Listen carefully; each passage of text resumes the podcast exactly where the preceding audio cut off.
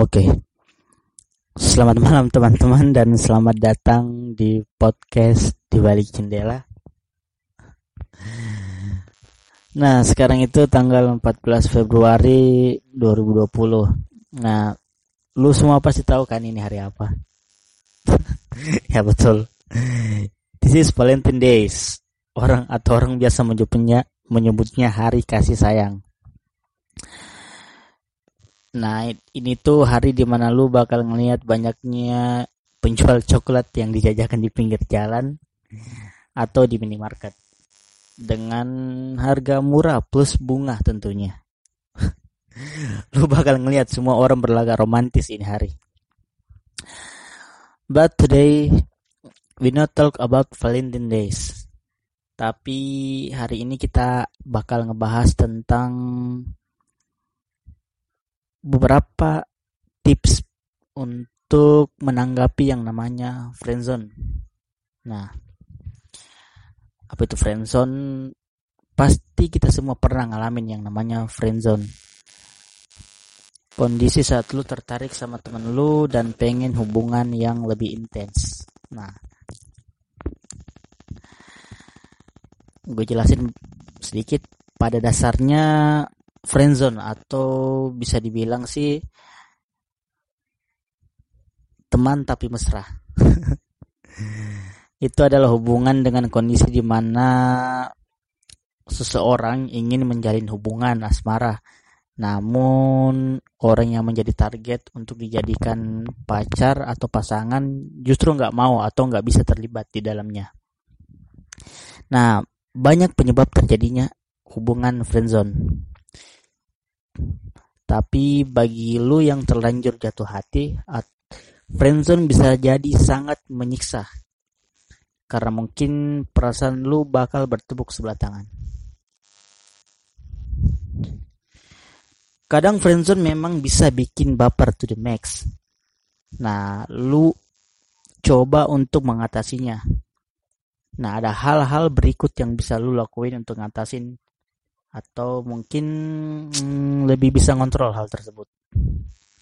Nah, dengan singkat bakal gue jelasin beberapa tips-tipsnya. Nah, yang pertama itu jalani dengan normal. Tetaplah menjadi diri lu sendiri. Meskipun sulit, jangan mendedikasikan seluruh waktu dan perasaan lu untuk si doi agar lu nggak ngerasa dirugikan setelah hubungan friendzone tersebut berakhir.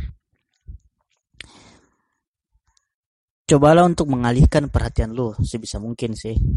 Seperti mencari orang lain untuk dijadikan pacar. Tapi lu harus ingat. Jangan sampai selanjutnya lu malah pindah ke hubungan yang gak jelas juga. Tahu-taunya masuk ke lubang buaya yang sama. mungkin seperti lu bakal pindah ke teman lu yang satu lagi. nah, yang kedua, lu harus cuek. Jangan terlalu menanggapi si doi. Mungkin lu bakal beri sedikit perhatian atau seperlunya aja. Sesekali lu juga perlu menghilang darinya sih. Nah, dengan cara seperti itu, lu bisa menakar seberapa jauh doi ngebutuhin lo. Lu perlu berpikir ulang untuk terus dekat dengan si doi. Tapi kalau doi mencari-cari lu karena merasa kehilangan, berarti seenggaknya doi ada sedikit harapan buat lu bisa menaklukkan hatinya. Nah, yang ketiga mungkin, yang ketiga itu hmm, menjadi lebih baik. Lu bisa memanfaatkan situasi friendzone ini untuk lebih hmm, apa ya lebih introspeksi diri mungkin. Mungkin sedikit banyak lu memang harus lebih berubah.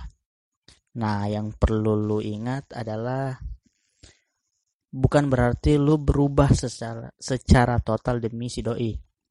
Tapi lu harus berubah sedikit demi sedikit untuk kebaikan diri lu sendiri Nah, siapa tahu kelama lama kelamaan hati doi bakal terbuka untuk lo. Jadi ada timbal baliknya. Tapi lu jangan terlalu ngarep juga sih. Nah, alasan lainnya itu bisa bisa jadi sedikit perubahan dalam diri lu bisa membuat orang lain suka sama lu. Nah, yang keempat, anggap si doi sebagai teman biasa. Nah, meskipun sulit karena lu terlanjur baper sama si doi, tapi lu juga harus tahu batas. Lu bukan pasangan lu bukan pasangan sahnya. Lu baru cuma baper.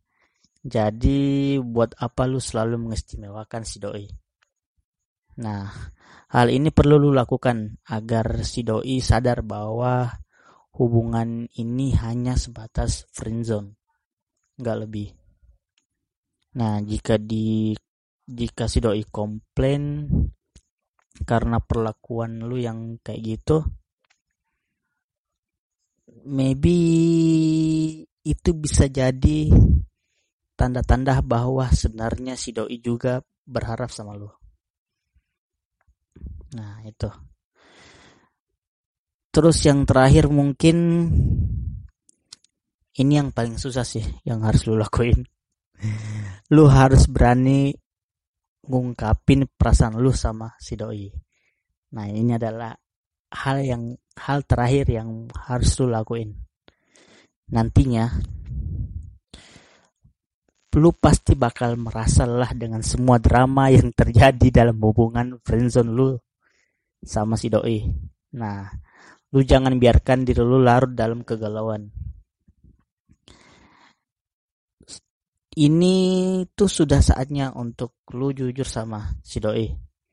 Karena mengungkapkan semua yang lu rasakan itu ada baiknya.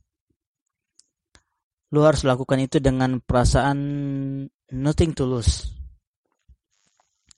Nah, lu harus ingat, lebih baik move on daripada lu berada dalam sebuah hubungan yang gak jelas sama sekali dan berlarut-larut. Nah, ini tuh ada sisi baiknya. Sisi baiknya adalah mungkin saja ternyata si doi hmm, bakal ngebuka hatinya mungkin. Nah, banyak alasan sih kenapa orang-orang terjebak dalam friendzone Nah, jik, tapi kalau ada beberapa orang yang merasa nyaman dengan friendzone tapi nggak berani ngungkapinnya. Jadi mereka itu kejebak di situ mulu. Nah, jika lu emang merasa nyaman dengan hubungan seperti itu, nggak ada salahnya untuk lu nikmatin saja sih. Tapi lu juga harus tahu batas-batasan dan di momen tertentu. Nah, lu juga harus siap untuk move on dari teman friendzone lu sendiri. Ribet juga sih kalau kita berada dalam situasi friendzone di mana kita suka sama seseorang tapi suka sama teman sendiri tapi belum tentu teman ini suka sama kita. Jadi itu kayak muter-muter aja gitu. Nah, mungkin itu dulu dari dari gue bakalan ada lagi beberapa tips-tips singkat dari gue mungkin. Nah, untuk hari ini yang ngerayain yang ngerayain Valentine Valentine Days sama pasangannya, gue ucapkan berbahagialah. Dan yang buat yang nggak ngerayain, nggak apa-apa, sabar aja dulu mungkin ke depannya lu bakal nemuin seseorang mungkin Oke, gue Dodo dari balik jendela. Jangan lupa bahagia. Dan sampai jumpa.